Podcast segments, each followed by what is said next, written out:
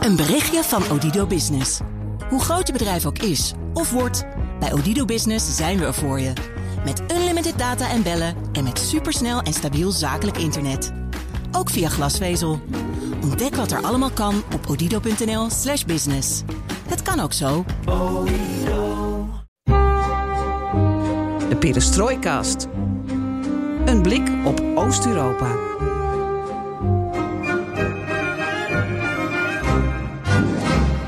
Welkom bij BNR Perestrooikast, de enige podcast van Nederland die volledig oog voor het oosten heeft en geeft. Aflevering 160, de eerste van 2023. En ik trap af zonder uh, Geert-Jan. Die is nog uh, lekker aan vakantie vieren. En hij zal deze podcast gaan luisteren over uh, een podcast over cyberoorlog of cyberwarfare. Want in de aanloop naar de Russische invasie in Oekraïne heerste de angst dat Rusland heel Oekraïne kon platleggen door het gebruik van een cyberaanval of andere cybertrucs. Dat is niet gebeurd, althans misschien is wel wat gebeurd, maar weten we het niet. Uh, maar in ieder geval lijkt er nog op dat ja, het volledig lam leggen van Oekraïne door middel van cyber, cyberwarfare zich uh, eigenlijk niet heeft voorgedaan. En dan vragen we toch ons af, hoezo niet? Hoe, hoe wordt die cyberwarfare tussen Rusland en Oekraïne gevoerd? En welke rol is nog weggelegd voor cybercapaciteit in de oorlog het komende jaar? Dus het is allemaal vragen vanuit de gedachte van ja, er gaat, uh, Rusland gaat toeslaan uh, in Oekraïne met cyber. Al deze prangende vragen zullen beantwoord worden door onze gast Dave Maasland. Hij is CEO van ISET Nederland en heeft ook, jullie hebben een kantoor in Bratislava en een kantoor in Kiev. Ja, we hebben kantoren over de hele wereld in principe, maar uh, ons hoofdkantoor zit in Bratislava, in Mhm. Slowakije. En uh, een redelijk groot kantoor in, uh, in Kiev inderdaad. Dus de oorlog komt voor ons echt, ja, echt heel dichtbij. Je, je zit er met je neus bovenop. Ja, absoluut. Ja. Ja. met jou gaan we kijken naar die Russische cyberaanvallen. Waarom slaan, ze, slaan de Russen daar wel of niet mee toe? Wat hebben ze wel gedaan? Wat hebben ze niet gedaan? Hoe beschermt Oekraïne zichzelf tegen die aanvallen? Wat is de rol van het Westen, van bedrijven? Kortom, we hopen alles uh, uh, te behandelen die, uh, die alle... Raken. Precies, ja. Um, zoals je weet, alles ten oosten van de rivier de Elbe kan de komende weken, maanden, jaren worden besproken. En wat heel leuk is, dat we heel sociaal en democratisch zijn. En abonneer je op ons, zodat je geen aflevering hoeft te missen. Zoek ons op in je favoriete podcast-app. Ik ben Floris Akkerman en dit is BNR Perestrooikast.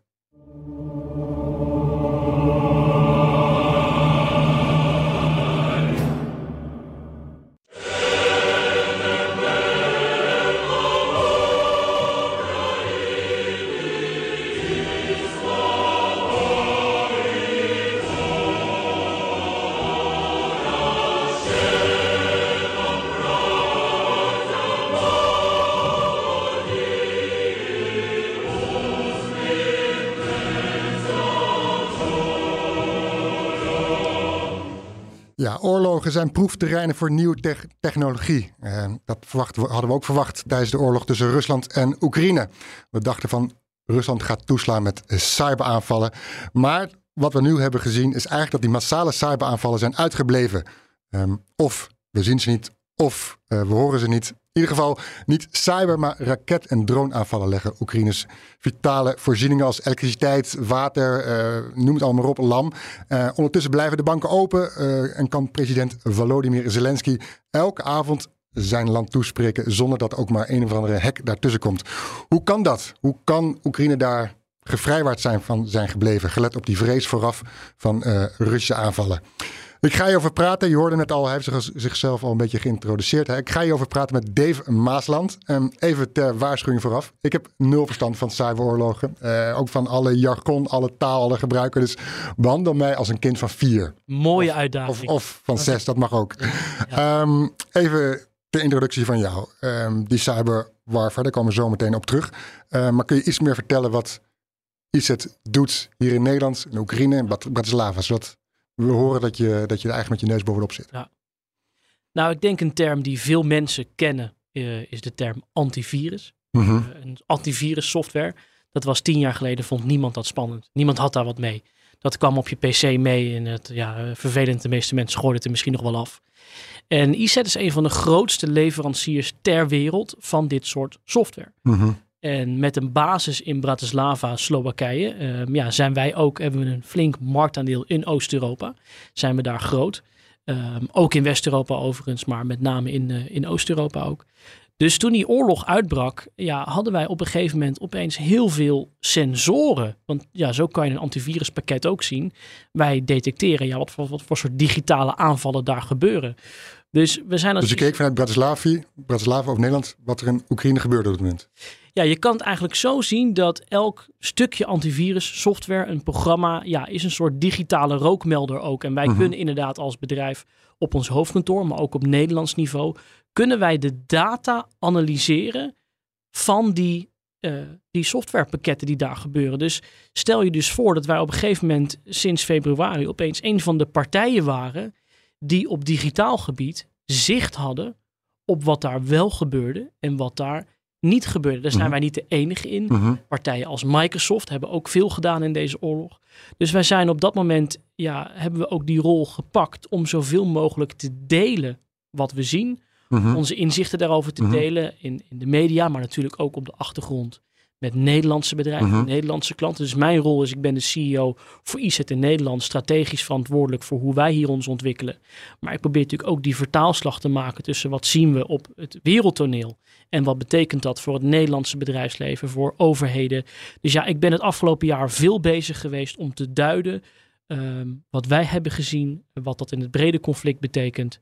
En ja, daarom vind ik het ook gaaf om hier te zijn en vind ik het juist wel mooi dat we het op een niveau moeten houden van, een, van iemand van, van zes Of vier. ja, maar daar, daar gaat het ook over. We moeten denk ik ook naar een wereld toe waarin cyber, omdat ja, ons hele leven is digitaal. Mhm. Dus we hadden ook wel verwacht dat een oorlog ook met digitale middelen wordt gevochten. Maar het is belangrijk dat we dit allemaal snappen. Mhm. En heb ik het ook over de legerleiding in Nederland of Ja. politici in Nederland. Dus het feit dat wij nu vandaag gaan proberen, en iedereen gaat natuurlijk deze podcast luisteren, Zeker. om het voor iedereen breed behapbaar te maken. Ik denk dat dat heel belangrijk is. Ja, dus even voor mijn begrip. Dus je hebt een klant in Oekraïne, die hebben jou jullie antiviruspakket. Ja. En dan zien jullie dus, ik zeg nu heel grofweg, op 24 februari allemaal Russische aanvallen. Exact. Bij wijze van spreken. Hè? Zo, zou, Ja. dat zou je kunnen zien. Ja, zo, zo plat kunnen we het, eh, kunnen Ja. we het slaan. En dan eh, zijn, zijn die Oekraïnse klanten, dat kan zijn bedrijven, overheidsinstellingen. Ja, we hebben ongeveer 80% van de overheidsinstellingen in Oekraïne als, eh, als klant. Maar er zitten ook natuurlijk veel, veel bedrijven bij. Dus dat zijn allemaal ja, plekken waar wij ja, aanvallen signaleren. Je zou zelfs kunnen zeggen, we gaan het straks uitgebreid over hebben. Maar wij hebben een paar uur voor de invasie Mhm. ontdekten wij opeens allerlei aanvallen van een computervirus. Wat ja, bestanden gewoon verwijdert, kapot Mhm. maakt. Waardoor je je PC gewoon überhaupt niet meer opstart. Mhm. Daar hebben we tegenwoordig een sexy naam voor, denk ik. Dat is een wiper Mhm. aanval. En achteraf kondigde dat dus Ja. digitaal de invasie in. Dat is achteraf heel makkelijk gepraat, want Natuurlijk. toen konden we die Mhm. aanval niet, eh, niet duiden. Maar zo zie je dat toekomstgericht, ja, kan je daar wel dus wel eh, iets uit afleiden uit dat Ja, soort aanvallen. ja. Er was, mm, iedereen zag wat er gebeurde op de grond. Hè. Rusland verzamelde zijn troepen eh, rond Oekraïne. Ehm, tegelijkertijd was in die aanloop daar naartoe ehm, ook de vrees voor een Russische cyberaanval. Ehm, ook omdat Rusland dat al eerder had gedaan in Oekraïne de jaren daarvoor, 2016 als ik me niet vergis. En je zag ook in de eerste helft van februari waren er al, eh, kon een bank op niet meer werken, waren er al kleine of grote, ik weet niet hoe je dat moet inschatten, aanvallen, cyberaanvallen, hacks van Russische zijde. Ehm, wat gebeurde er in die dagen voorafgaand aan de oorlog op het gebied van cyber? Nou, en die dagen vooraf, ehm, als, we nog heel even teruggaan, wij zeggen altijd heel belangrijk, dat hoeven we in deze podcast niet uit te leggen, maar Oekraïne ligt natuurlijk al sinds 2014 onder vuur. Mhm, ja. En het is echt een, ja, je kan het toch wel een speeltuin noemen. Ze hebben energiecentrales platgelegd door middel van eh, digitale aanvallen. Ze hebben op een gegeven moment eh, ja, de hele wereld lastig gevallen met een virus die zelfs een gedeelte van de Rotterdamse haven toen platlegde in 2017. Mhm, Eh, dus ze hebben laten zien waartoe ze mogelijk in, in staat zijn. Wij hebben een aantal significante eh, operaties gezien in het digitale, digitale domein.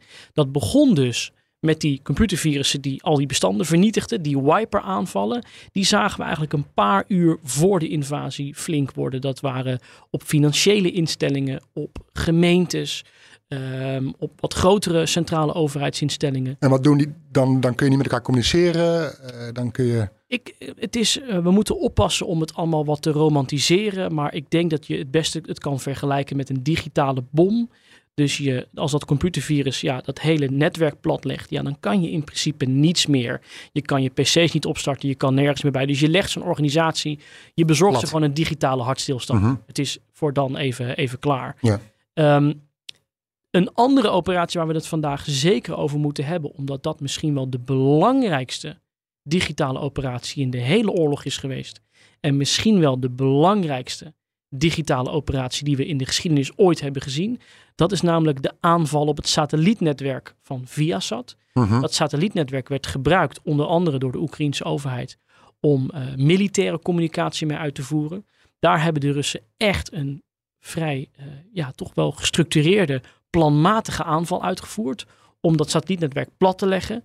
Ehm, waardoor, en dat is een beetje de kern van dit verhaal, deze hele oorlog is onduidelijk. Dat leer ik van mensen zoals jullie ook. Mhm. Onvoorspelbaar. Dat is die cybercomponent ook. Mensen spreken elkaar tegen. De ene helft zegt dat die aanval op dat satellietnetwerk echt veel impact heeft gehad. Daardoor is de invasie in het begin echt anders verlopen, omdat men gewoon niet goed kon communiceren, de legerleiding. De Oekraïnse De legerleiding. Oekraïnse legerleiding. Toch zijn er ook geluiden dat men zegt dat viel reuze mee. Uiteindelijk hadden we er wel last van, maar alle primaire communicatie is doorgelopen. We weten dat nog steeds niet 100% zeker.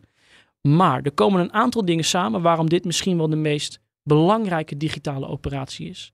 Rusland zorgde hiervoor een bijzondere timing. Een paar uur voor de invasie haalden ze de communicatie uit de lucht. Mhm. Vervolgens raakten, daar, raakten ze daar ook een militair doel mee. Namelijk, de legerleiding kon niet communiceren. Mhm. Plus, we hebben ook nog eens effecten gezien in andere landen van deze aanval. Wat Rusland misschien ook wel goed uitkomt. Namelijk Duitse windturbines die hierdoor stil lagen. Want die netwerken waren weer met elkaar verbonden. Dus ze haalden eigenlijk drie doelen. En dit is eigenlijk wat je met een cyberoperatie... Dus stel er is een andere wereld. Een wereld waarin de oorlog maar drie weken had geduurd. Mhm. En waarbij de aanval op het satellietnetwerk de invasie aankondigde en misschien wel geholpen heeft invasie succesvol te maken.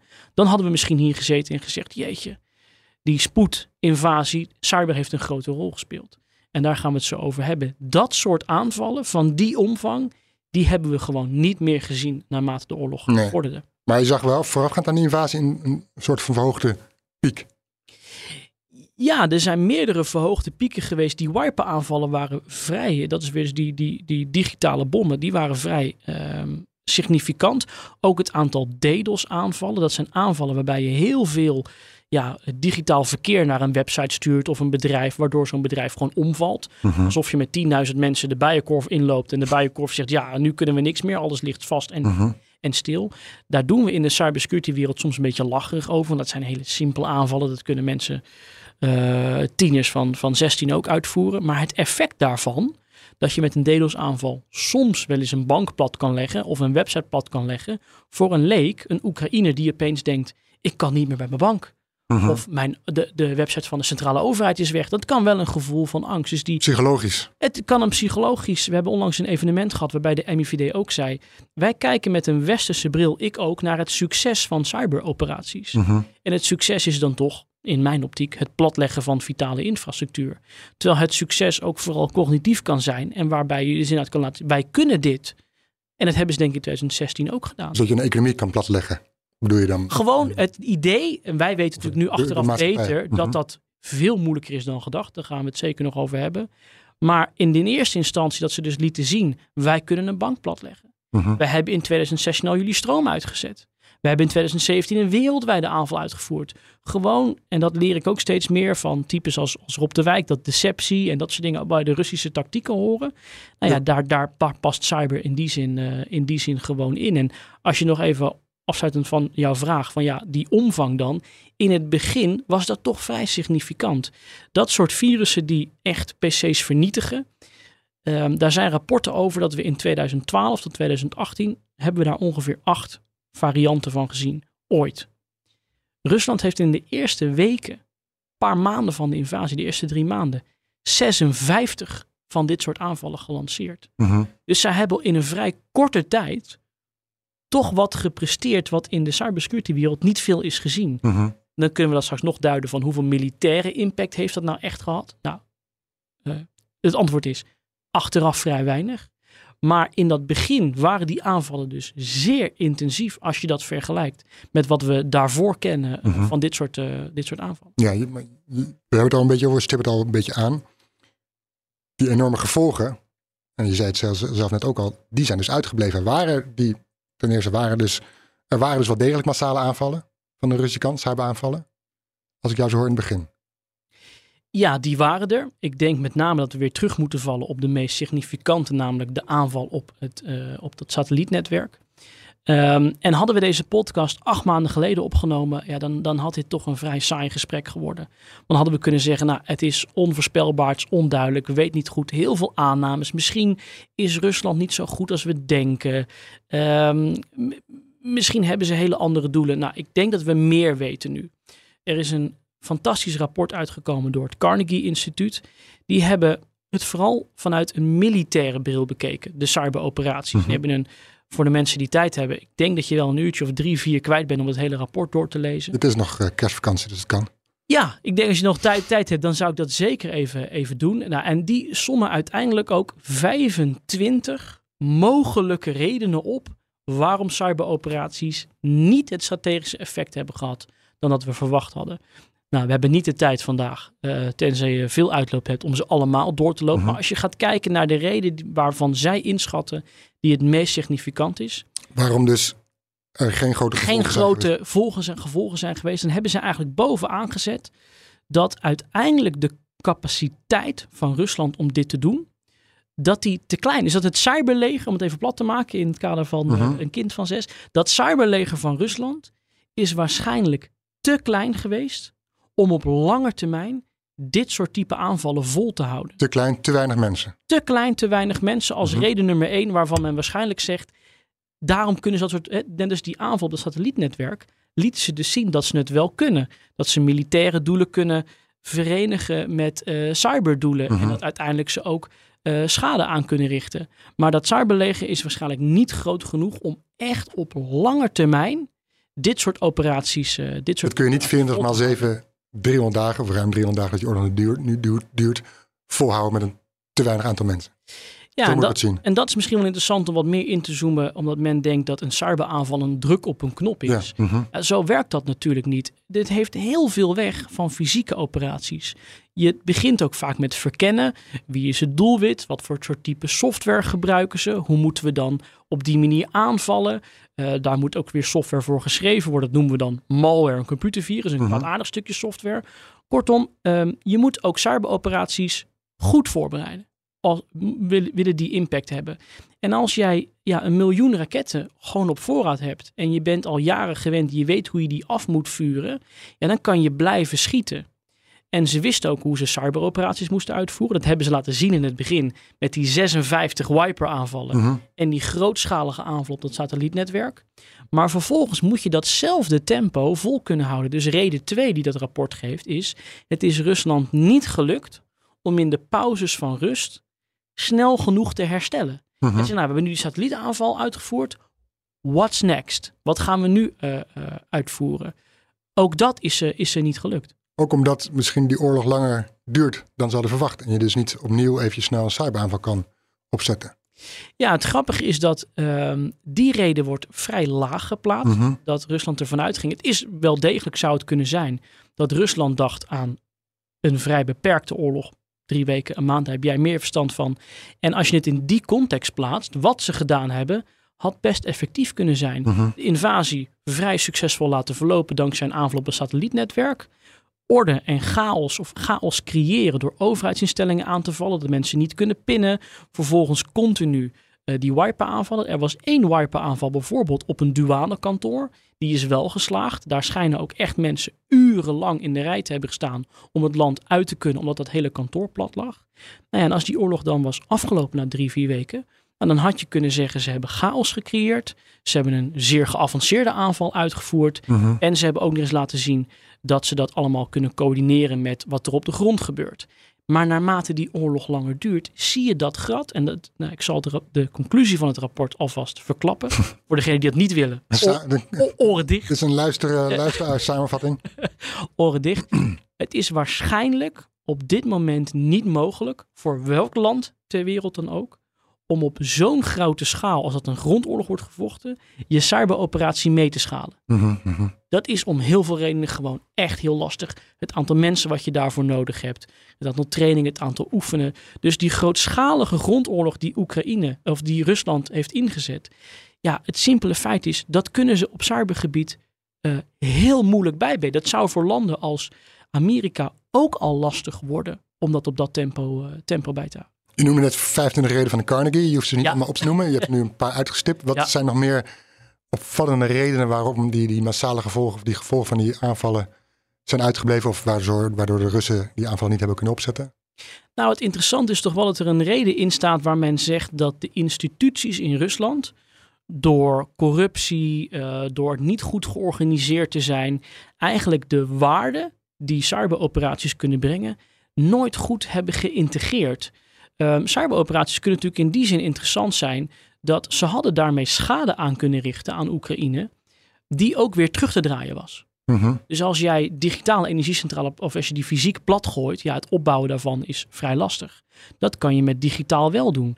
Ehm, inlichtingenoperaties, eh, dat rapport onderscheidt twee typen activiteiten. Ehm, digitale aanvallen of het afvuren van digitale wapens, cyberfires en eh, intelligence operaties, dus het verzamelen van inlichtingen. Mhm. Nou, je ziet dus aan beide kanten dat ze de, de voordelen daarvan, dus wat ik ook zei, je kan natuurlijk ook ver achter de linies met cyberoperaties. Mhm. Want je kan eh, ja, in het oosten of in het westen kan je een, een bepaalde instelling platleggen.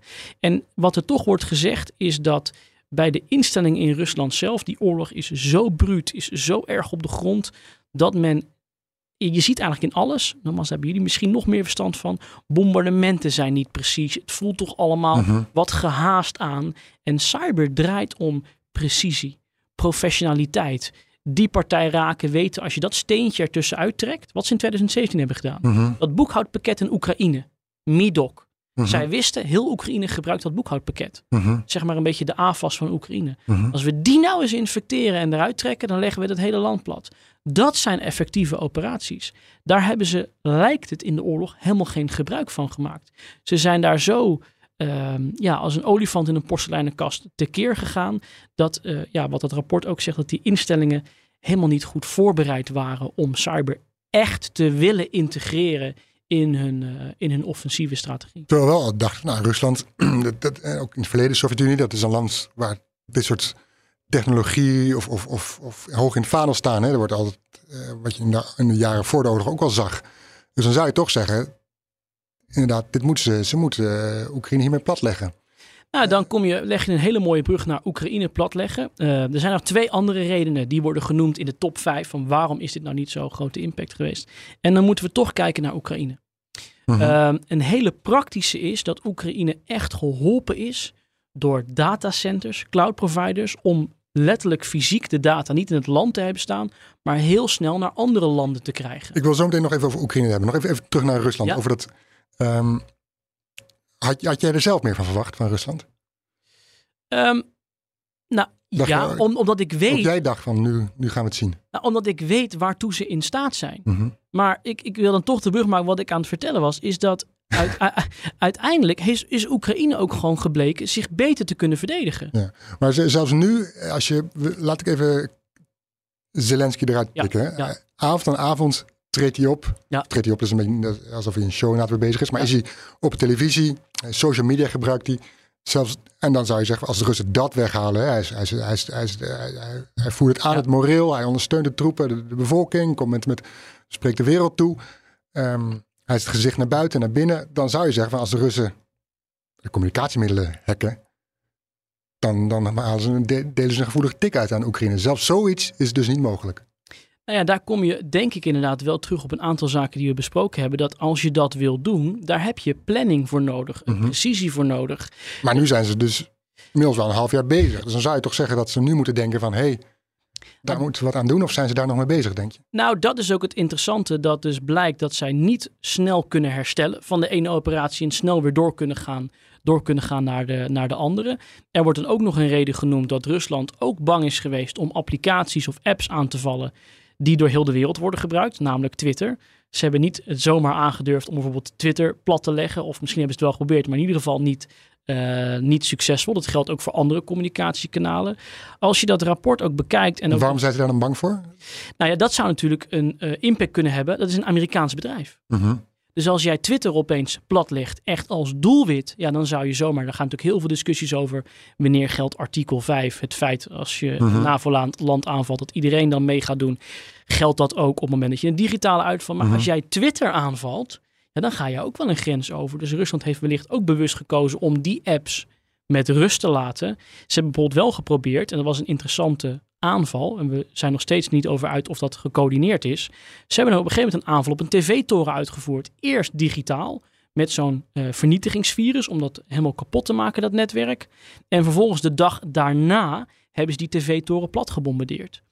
Alleen aan alles zie je dat ook Oekraïne, die hele infrastructuur, best wel, best wel weerbaar is, eh, is gebleken. Ja. En dat, eh, eh, ja, die, die onderschatting, dat is, dat is ook een onderdeel, een hele belangrijke. Ja, reden. we naderen naar de, de Oekraïnse rol. Nog één ding wat Ja, ik graag wil, wat je nu ziet. je ziet al die energievoorzieningen worden plag- platgelegd. Oekraïne zit, zit, zit in het donker. Ook daarin geldt hetzelfde verhaal. Rusland kan het, om de reden die jij eh, niet bolwerken om dat cybertechnisch te doen. Dus knallen ze maar raketten op af en drones. Ja, ik denk dat dat de, de korte conclusie is dat je ziet dat Rusland een strategie heeft, een, een hele eh brute strategie, veel burgerslachtoffers. En dat het hen niet lukt om op die schaal cyberoperaties mee te laten, eh, laten groeien erin. Ook daarin zou die coördinatie best wel veel op kunnen leveren. Ook inlichtingenoperaties. Je ziet wel, en dat is interessant, dat er vier keer zoveel inlichtingenoperaties zijn uitgevoerd dan die aanvallen om eh, systemen te vernietigen. Dus Rusland zet heel erg in, ook op het verzamelen van inlichtingen. Het is nog onduidelijk of dat geholpen heeft om bijvoorbeeld die energiecentrales nauwkeuriger te bombarderen of wat dan ook. Maar het lijkt er toch op dat de voorkeur van de Russen uitgaat naar inlichtingen, cyberoperaties, het Mhm. verzamelen van informatie.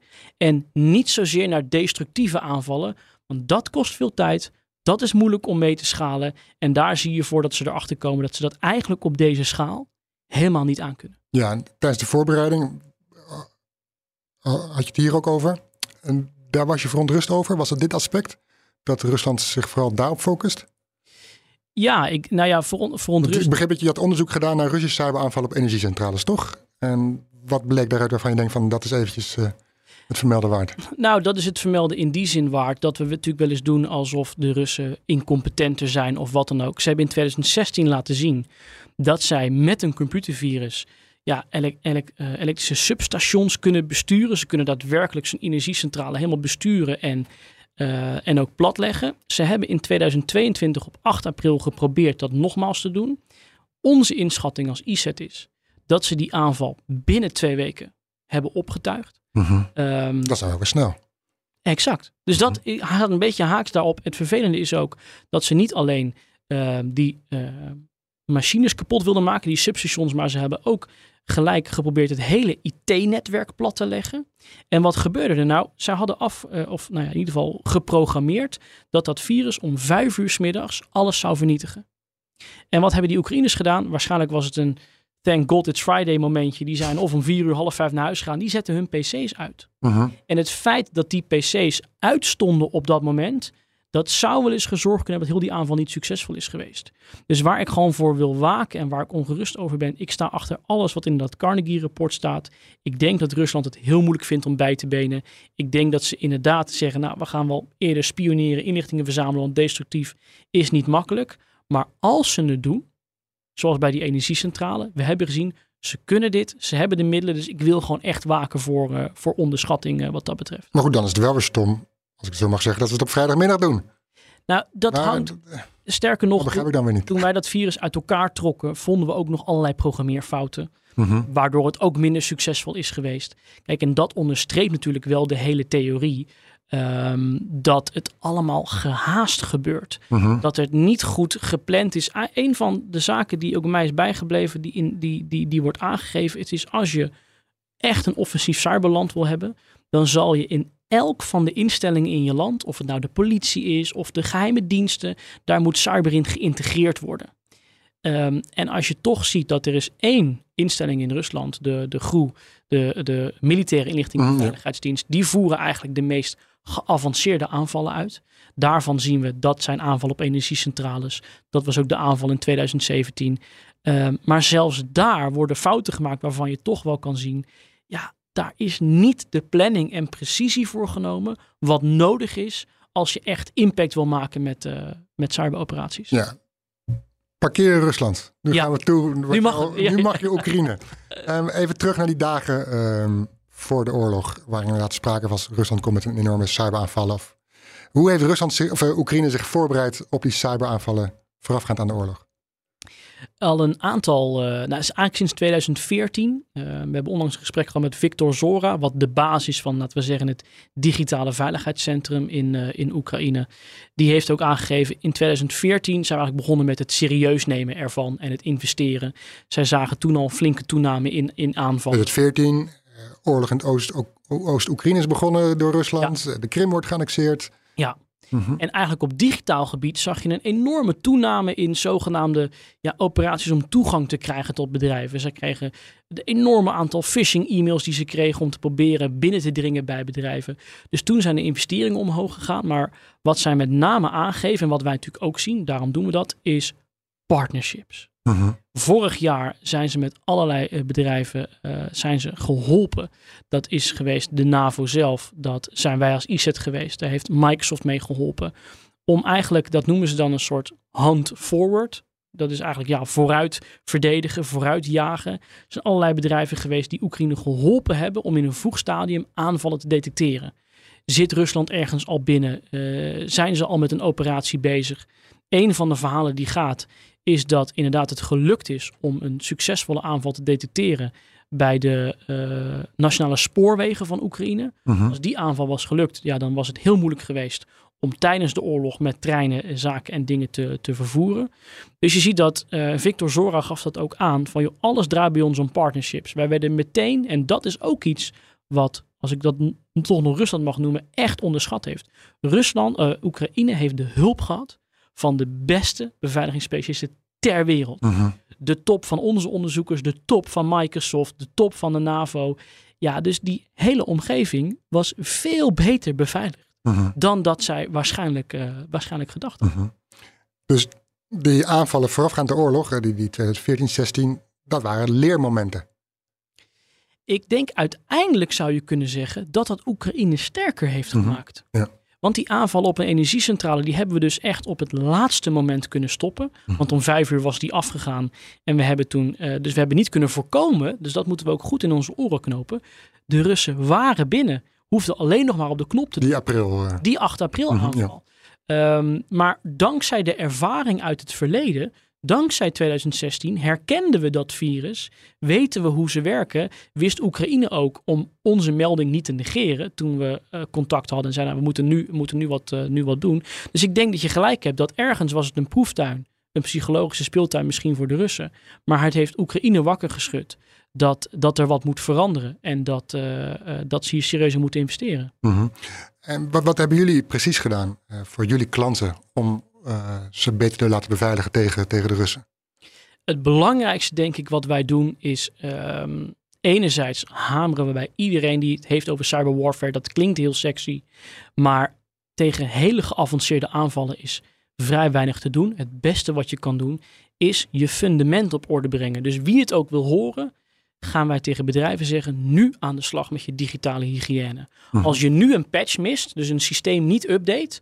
Wij hebben Chinese aanvallers gezien of soms Russische aanvallers.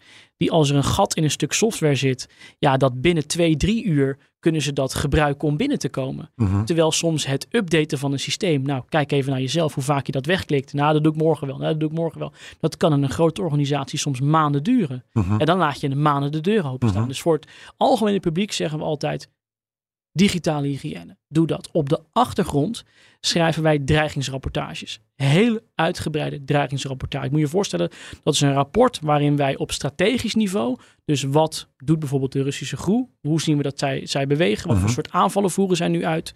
We geven tactisch aan van nou, wij denken dat dit misschien wel volgende stappen kunnen zijn. En heel operationeel delen wij Maar wat, wat hebben jullie nu praktisch in Oekraïne gedaan voor die bedrijven? Ah, Nou ja, voor die bedrijven in, in Oekraïne ook, is dat we gewoon echt hulp bieden met het eh, oplossen van zo'n incident. Dus dat kan je voorstellen dat we gewoon letterlijk op locatie bij zo'n energiecentrale zitten en eh, zeggen tegen de IT-mensen die zitten wat ze moeten doen. Mhm. Doe dit om te zorgen dat we dat eh, virus verwijderen, om te zorgen dat we de schade minimaliseren. Dus zowel op locatie als op afstand monitoren we, zo wat gebeurt daar. Ja, en geven we continu advies om dit te doen. Zet dat uit, zet dat aan. Ja, en zo werk je eigenlijk ja, als een soort eh, ja, digitale alarmcentrale continu met hen mee om, eh, om te verdedigen tegen aanvallen die, eh, die er gebeuren. Ja, want, want wat ik begreep, misschien heb je het al een beetje genoemd, maar dat, dan la- laat ik een naam in Destroyer 2 noemen. Nu zeg jij hem, hè? ik heb het Ja, niet ja, gezegd. Ja, ja, ja, ja. Mag je uitleggen wat het is? Maar daarin hebben jullie ook een rol gespeeld. Ja, Indestroyer 2 is dus de naam van het computervirus die in staat was om een energiecentrale plat Dat te was die aprilnaam. Is het? Dat Aha. was eh, in april, maar ook is Industroyer gebruikt in 2016. En wat wij dus ook doen voor bedrijven in Oekraïne, is wij halen dat computervirus helemaal uit elkaar. Dus je moet je voorstellen dat dat is een, een stuk software. En wij kijken hoe is dat geschreven, wie zit erachter, wat is precies het doel. Zodat we ook beter kunnen duiden hoe je daartegen kan, eh, kan verdedigen. Wij hebben dat virus als eerste ontdekt Mhm. in 2016 al. En eh, ja, daarom waren wij nu zo snel in staat om te zien van, hé hey, wacht even. Dat Dit is Industroyer 1, Mhm. maar met een paar aanpassingen. Mhm. Dus wij noemen het Industroyer, eh, Industroyer 2. En ja, we hebben het ook wel eens genoemd als de grootste dreiging sinds Stuxnet. En dan zeggen mensen, ja, jij noemde ook een naam, dus dan mag ik ook een naam noemen. Mensen denken, Stuxnet, we gaan, dat was dat computervirus wat die kerncentrale in Iran sneller Mhm. liet draaien. Dus dat zijn echt, ja, als je het hebt over categorie cyberwapens, als die al bestaan, ja, dan zijn dit, eh, dan zijn dit cyberwapens. Ja. En Staan jullie dan in contact met de Oekraïnse geheime dienst? Eh, staan jullie die bij? Hoe werkt dat? Ja, dat is natuurlijk altijd lastig om, eh, om helemaal te duiden. Kijk, al- algemeen kunnen we daarover zeggen is dat er, en daar is Oekraïne ook heel open over, er is ontzettend veel contact tussen overheidsinstellingen en private partijen. Zij zeggen eigenlijk ook wel, Carnegie omschrijft dat private organisaties zijn, een van, een, eh, zijn Mhm. een van de redenen dat ze zo goed. We staan echt in dagelijks contact met verschillende. Dat is niet alleen geheime diensten. Dat zijn ook de organisaties op de grond zelf. Het zijn strategisch adviesorganen waarin we dat zien. Waarin, want dat is ook iets wat dus heel belangrijk is. De snelheid van informatieuitwisseling. Mhm. Dat kan alles. Stel wij heel praktisch, zou het gebeurd kunnen zijn dat wij een energiecentrale bellen. En wij zeggen, joh luister, wij zien nu op jouw systeem Industroyer 2. Je moet nu dat en dat systeem eruit trekken. Dan is het ook maar net, hoe snel zien we dat? Hoe snel delen we die informatie? En zit daar een IT-beheerder aan de andere kant die er een beetje zin in heeft, die het ook snapt. En die zegt, oh maar wacht even, in- dit, dit is, eh, en, leggen wij, en leggen wij het goed Mhm. uit. En als je die processen niet optimaliseert en die informatiedeling, soms in Nederland zijn wij natuurlijk, nou we zijn al jaren bezig om te besluiten, mogen wij informatie delen met de overheid als daar IP-adressen tussen staan? Mhm. Dat is misschien wel een persoonsgegeven. Dus een van de lessen is ook, ja, de snelheid van informatie delen is, eh, is echt cruciaal. Ja, is, is, is- loopt Oekraïne nu voorop? Is, eh, ik kan me herinneren dat Nederland wilde cyberspecialisten sturen naar, naar Ja, Oekraïne. klopt, ja. Toen, nou ja, toen dacht ik, maar waarschijnlijk ook anderen van ja, volgens mij kunnen wij meer leren van Oekraïne dan zij van hen. Dan zij van ons. Nou, ik denk dat dat antwoord genuanceerder ligt. En waarom? Ehm een van die aanbevelingen was dus je moet cyber integreren in elke inlichtingendienst die je hebt. Daar zijn wij in Nederland best goed in. Onze AIVD, onze MIVD, onze politie, die hebben echt hele goede cyberspecialisten zitten. Mhm. Je kan je vraagteken stellen bij Nederland bij de omvang. Als wij kijken naar de NSA, de Amerikaanse geheime dienst. Ja, daar staan eh, gebouwen eh, acht keer een IKEA waar mensen in werken. Dat, dus dat kunnen we ons niet eens voorstellen, de schaal. Maar toen bijvoorbeeld inderdaad ze binnen moesten komen bij die kerncentrale in Iran, hebben ze uiteindelijk de Nederlandse IVD gebeld Mhm. om te helpen. Mhm. Dus wij staan in de wereld echt wel aangeschreven als toonaangevend als het gaat om wat wij, eh, wat wij kunnen. Ik denk alleen de lessen uit deze oorlog zijn. En er staat een hele paragraaf in dat hoofdstuk, die, in dat document, die heel interessant is.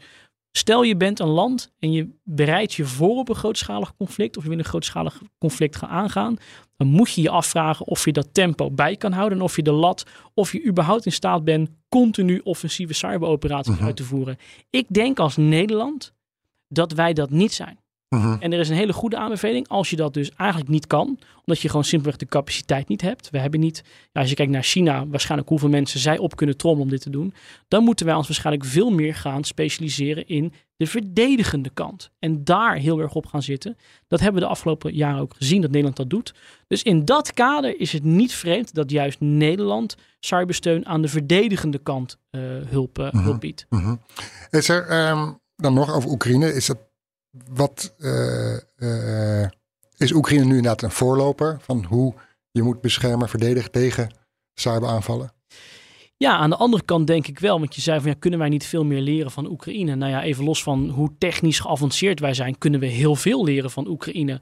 Als je nu ziet hoe zij ingericht zijn, ook weer als het gaat om die partnerships, maar hoe weerbaar zij zijn qua digitale infrastructuur, hoe snel zij weer online kunnen zijn.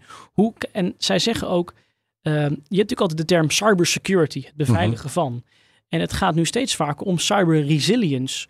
Hoe, als je geslagen wordt, hoe snel sta je weer op? En daar heeft Oekraïne, nou, ik durf wel te zeggen, ik denk dat, dat Oekraïne daar gewoon wereldwijd in voorop loopt. Het is nog maar de vraag als ooit in Amerika of in Nederland een energiecentrale wordt platgelegd. Wij hebben heel weinig, eh, of heb ik begrepen, veel minder fysieke middelen om weer terug online te komen. Bij ons is alles gedigitaliseerd. Je kan je vragen, zo'n gedigitaliseerd land als Nederland, of wij net zo weerbaar zijn als wij vol op de neus worden geslagen, staan wij dan ook binnen een dag weer op? Is onze stroom ook weer in een dag? Daar zijn de internetproviders in Oekraïne en gebombardeerd, plat gebombardeerd, en door digitale aanvallen van die vernietigende virussen geweest. Maar de volgende dag deed het internet het weer gewoon. Ja. En de weerbaarheid die Oekraïne toont in die processen, ja, ik denk dat dat de grote les is, dat je daar naar, naartoe zou moeten. Je kan niet alles voorkomen. Je kan niet alle 60 raketten uit de lucht schieten. Je moet er 50 uit de lucht schieten. En als die 10 dan toch komen, ja, zorgen. Ik heb filmpjes gezien dat waarbij ze na drie weken een vetgebouw weer hebben opgebouwd of weer hebben dicht, eh, dichtgemaakt. En dat doen ze digitaal ook. Ja, Ehm, als we kijken, we hebben het over lessen, de blik op de toekomst. Ehm, wat valt jou op als, als je kijkt naar het conflict en de inzet van cyber? Ik begreep dat je twee narratieven hebt die, jou, eh, die je eruit wil, die je wilt toelichten. Ja, ik denk dat het ene narratief is dat we zeggen, nou ja, Rusland is incompetent gebleken, kan het niet bijhouden. En eh, waarschijnlijk hebben we niet veel meer te vrezen, want ze kunnen nu toch alles plat bombarderen. Dat is één kant, kan ik zo nog toelichten. Het andere narratief is, is dat Rusland zich aan het voorbereiden is op een lang conflict. Waarbij ze ook weer de tijd hebben in een lange oorlog om cyber een nieuwe rol te geven. En dan zullen waarschijnlijk inlichtingenoperaties wederom een veel grotere rol spelen. Eh, om met dat tweede narratief te beginnen. Op het moment dat Rusland nu zou zeggen: wij gaan weer vol inzetten op inlichtingenoperaties. Stel je voor dat zij nu in gaan zetten op het binnendringen bij eh, belangrijke personen. We hebben het verhaal gehoord dat ze bij een premier in Engeland op hun, haar telefoon was, bij Liz eh, Truss. Ehm, ze zouden natuurlijk adviseurs van Zelensky kunnen binnendringen om informatie te krijgen. Ze zouden daadwerkelijk de, ge- de, gewoon de locatie van Zelensky kunnen, eh, eh, kunnen achterhalen. Om uiteindelijk aanvallen uit te voeren. Of locatie van andere hooggeplaatsten. Of ze zouden westerse wapensystemen kunnen lokaliseren waar dat, eh, waar dat staat. Dat zou ze graag willen, denk ik. Daarom. Dus Mhm. ik denk dat die inlichtingoperaties om te weten waar Zelensky is, om te weten waar de wapens staan. Maar wat denk je ook? Er wordt natuurlijk, wat ik ook begrijp van allerlei experts, dat er al wordt gesproken over de tijd na de oorlog. Er wordt onderhandeld. Hoe zouden we gaan onderhandelen als we gaan onderhandelen? Als Rusland nu natuurlijk inlichtingen kan verzamelen, wat er wordt besproken aan die onderhandelingstafel. Mhm. Als jij weet wat je tegenstander voor zetten gaat doen aan de schaaktafel, wordt het dus veel makkelijker. Dus ik denk dat het risico voor die inlichtingenoperaties, wat er geprobeerd dat die, dat die enorm is. Het eerste narratief, ik denk dat veel mensen daar in balans zijn. Die zeggen, ja, maar je ziet het, het is een puinhoop op het slagveld. Mhm. Laat staan, cyber is nog altijd een kleiner leger dan een fysieke leger. Niemand luistert naar die nerds die daar zitten. Daar hebben we niks meer voor te vrezen. Misschien zal de waarheid altijd in het midden liggen. Ik denk niet dat Zelensky volgende maand vermoord wordt door een correcte inlichtingoperatie. Zo plat wil ik niet zijn. Maar ik denk dat we onderschatten is niet verstandig. De Russen kunnen enorm veel. Ze hebben de tijd om op adem te komen. Alleen ik denk dat we er anders naar moeten denken. We denken dat we niet meer de grootschalige aanvallen op vitale infrastructuur zien. Want de voordelen die je dan hebt, is dat je dat weer kan herstellen. Nou ja, je ziet, hebben ze geen boodschap aan, dat bombarderen ze gewoon. Nou, ik denk dat we waakzaam moeten zijn voor die inlichtingenoperaties. Die daadwerkelijk hen kunnen helpen om op de grondschade aan te richten. Om Ehm, wat we nu ook zien, een aantal aanvallen, dat ze een bedrijf binnendringen en alle data op straat gooien. Gevoelige data die misschien wel het publiek kan manipuleren of die de publieke opinie kan draaien. Nou, en ik denk dat Rusland vol gas gaat inzetten op die, uh, op die inlichtingenoperatie. Zie je daar al iets van? Nou, wat ik net zei, je ziet dus die operatie zal toenemen waarbij ze niet meer een bedrijf platleggen, maar de data stelen en online gooien. Uh, om daarmee... Kun je een voorbeeld noemen? Ja, we hebben bijvoorbeeld een voorbeeld gezien waarbij ze ook in, eerder in het begin van de oorlog een uh, nationale databank van een verzekeraar hebben gehackt en uh, uiteindelijk zo alle namen uh, online zetten. Uiteindelijk om te laten zien, wij weten precies wie we moeten hebben, wie waar woont, wie wat is. Nou, en het zou natuurlijk kunnen zijn dat ze op een gegeven moment de gegevens online kunnen zetten van naasten van Zelensky of bepaalde... Er worden natuurlijk ook gewoon fouten gemaakt aan de Oekraïnse regering kant. Dat kan niet anders. Of onderschattingen. Stel dat zij hand krijgen op die papieren en dat online zetten en authentiek is. En ze kunnen aantonen, kijk, hier zegt de leger, hè, Zelensky heeft de invasie verkeerd ingeschat of ze hebben verkeerde keuzes gemaakt. En ik denk dat dat strategisch gezien... Met als doel om, om aan het wankelen te brengen of het regime... Twijfel te zaaien over, over, uh, over Zelensky. Om onregelmatigheden aan de, aan, aan de kaak te stellen. Ik denk dat dat strategisch, als je nu kijkt naar... Uh, dat heb ik ook echt geleerd in de laatste maanden. Ik moet het conflict niet bekijken met een cyberbril, maar het is een militair conflict. En er zijn mhm. militaire, militaire doelen. En um, het militaire doel van een cyberoperatie... Ja, dat bereiken ze nu ook met kinetische aanvallen. Een energiecentrale platleggen. Dus ik verwacht dus niet veel van die destructieve aanvallen maar het kunnen binnendringen, heel gericht informatie vrijgeven, het kunnen lokaliseren van targets door middel van cyber. Dat zal nu waarschijnlijk de, eh, de route zijn die Rusland gaat, uh, gaat kiezen. En die zijn natuurlijk ook moeilijker te detecteren. Als iemand jouw PC helemaal kapot maakt, dan denk je, hé, ik heb een cyberaanval. Maar als iemand ongezien document aan het stelen is, die zijn ook moeilijker tegen te houden. Het zijn spionageoperaties. Ja, is, een, is zo'n grote cyberaanval die we van tevoren hadden verwacht op, van de Russen op de Oekraïne, op Oekraïne, met alle gevolgen van dien, is die dan toch minder relevant gebleken, ook in het licht van inlichtingen zijn uh, ook belangrijk of belangrijker, zijn dat soort grote cyberaanvallen toch minder relevant gebleken gedurende de oorlog? Ik denk dat je het heel mooi samenvat, dat dat rapport eigenlijk letterlijk zegt dat de strategische en militaire impact van dat soort aanvallen te verwaarlozen zijn. Mhm. Het gaat ook heel vaak over, is cyber het vijfde domein? Je hebt land, de zee en in de lucht. En is cyber een beetje het vijfde domein? Zij durven zelfs te stellen dat deze oorlog, dit conflict, als je dit bekijkt en het blijft zo, dat, dat het heel moeilijk is om cyber mee te schalen, zou je cyber niet eens moeten zien als het vijfde domein. Zo belangrijk is, is dat niet als dat we denken, los dat die inlichtingoperaties dus wel veel, uh, uh, ja, veel belangrijker zijn dan dat we dachten van tevoren. Ja. Kijk, Rusland heeft natuurlijk ook in al die tijd, wat uh, de cijfers zijn, slechts 60% van hun capaciteit op Oekraïne gericht en nog steeds 40% daarbuiten op andere landen. Dus het simpele feit is ook, ze hebben niet al hun capaciteit op Oekraïne gericht. Mm dus ze hebben er ook bewust voor gekozen nog andere zaken uh, uit uh, aan te vallen. En daar zie je dus ook in dat ja, naar alle waarschijnlijkheid Rusland niet bewust heeft gezegd, we gaan al onze capaciteit inzetten. En ja, dat geeft denk ik ook wel aan hoe serieus of minder serieus op dat gebied cybernemen. Dan is het dus wel nog een potentieel zit erin. Stel ze beslissen om zich af te wenden van die andere landen en een schepje bovenop te doen op die 60%. Nou, exact wat jij zegt. we houden natuurlijk allemaal wel rekening mee. Stel dat Rusland dit wel zou willen. Wat zouden ze dan moeten dus doen? wel zou willen... Wel uh, echt destructieve cyberaanvallen willen doen. Die vitale infrastructuur plat kan mhm. leggen of nog meer chaos kan creëren. Nou, dan worden er eigenlijk twee scenario's geschetst. Enerzijds weten we allemaal dat veel criminelen, digitale criminelen, die gijzelsoftware maken, bedrijven op slot zetten, daar dan een paar miljoen voor vragen, hebben we ook in Nederland natuurlijk veel last van gehad.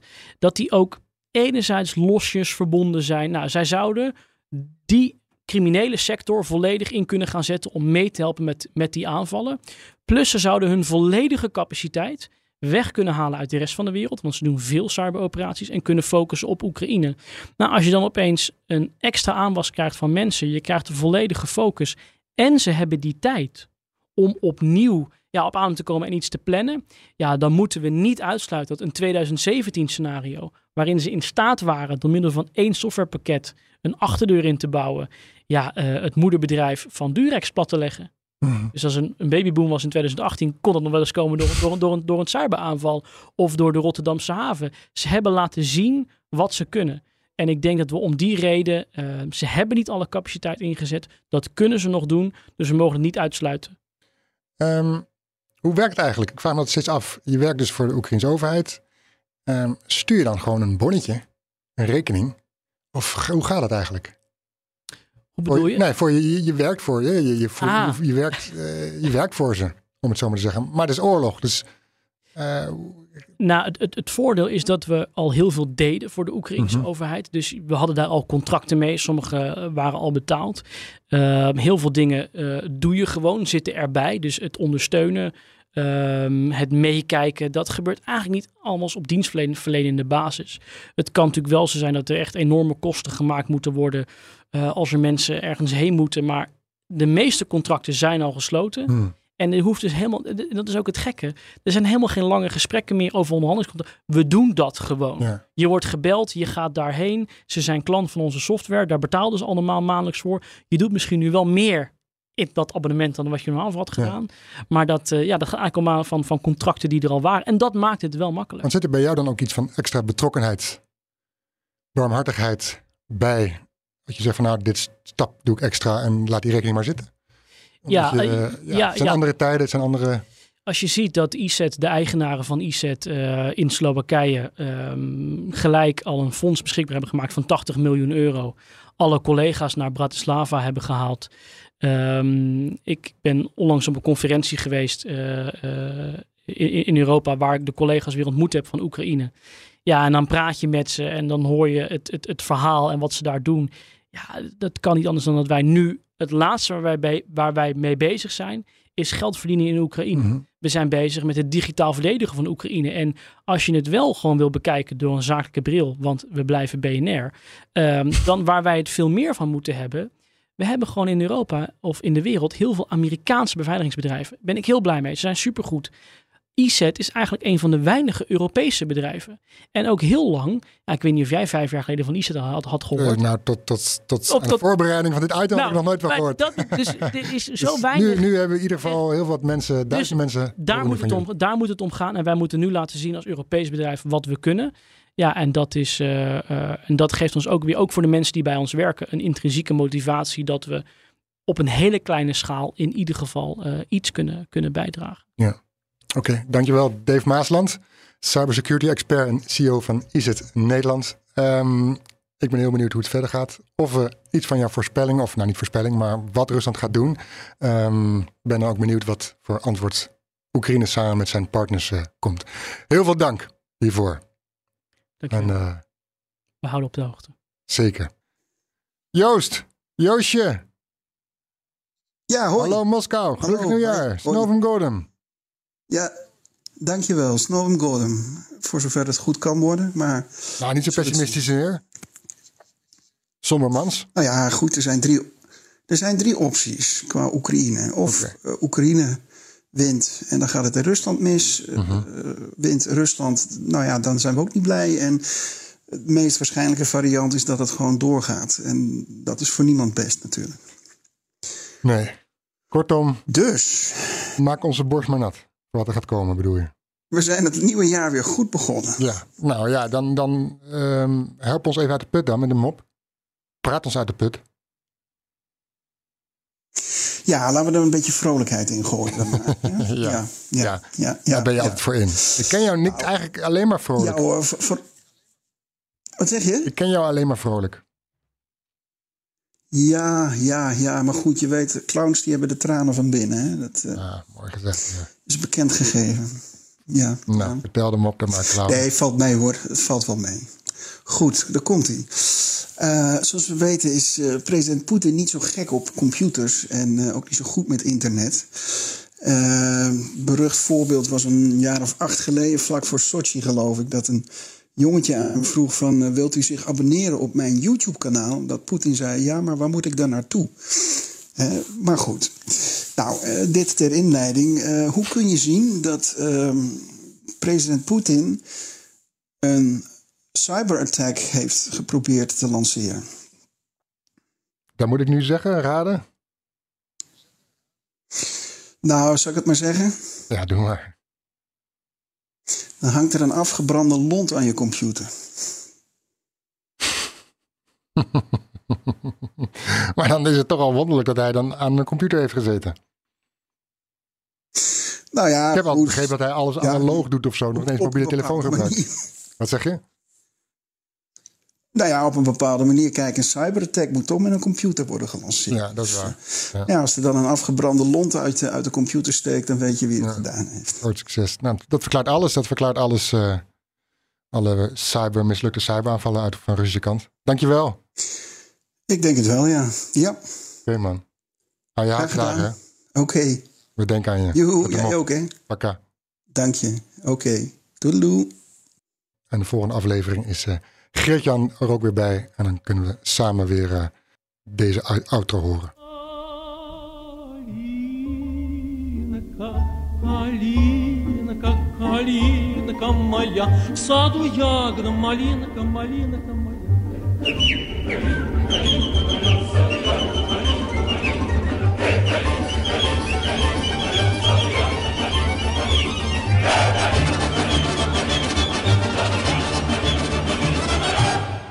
Dankjewel. Dankjewel. Pakka. Een berichtje van Odido Business. Hoe groot je bedrijf ook is of wordt, bij Odido Business zijn we er voor je. Met unlimited data en bellen en met supersnel en stabiel zakelijk internet. Ook via glasvezel. Ontdek wat er allemaal kan op odido.nl/business. Het kan ook zo.